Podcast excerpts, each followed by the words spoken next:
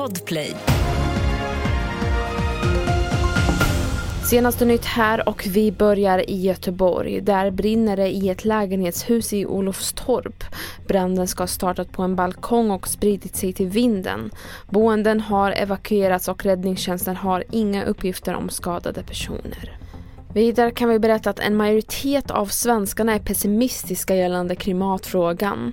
I en opinionsundersökning vi låtit göra svarar 6 av 10 att de inte känner sig hoppfulla inför att vi kommer kunna lösa klimatkrisen.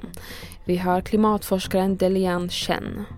Och det är inte bra förstås, men samtidigt också människor är sådana att det kanske krävs en liten press lite pessimismen. Jag hoppas det blir liksom någonting positivt i slutändan ändå så att eh, det motiverar folk att agera och göra mer. Och slutligen tänkte vi uppmärksamma en hjälte som prisas för sina insatser för att rädda liv. Det är räddningshunden Kilian som hittade 18 personer vid liv i rasmassorna efter jordbävningen i Turkiet i februari i år. Nyligen deltog golden retrievern också i räddningsarbetet efter jordbävningen i Marocko. För insatserna får Kilian Svenska Kennelklubbens hedersutmärkelse. Fler nyheter hittar du på tv4.se och jag heter Merim Jamil.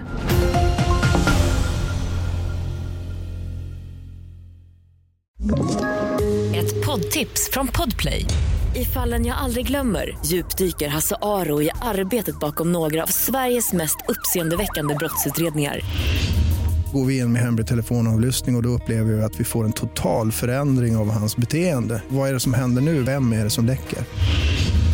Och så säger han att jag är kriminell, jag har varit kriminell i hela mitt liv men att mörda ett barn, där går min gräns. Nya säsongen av Fallen jag aldrig glömmer på Podplay.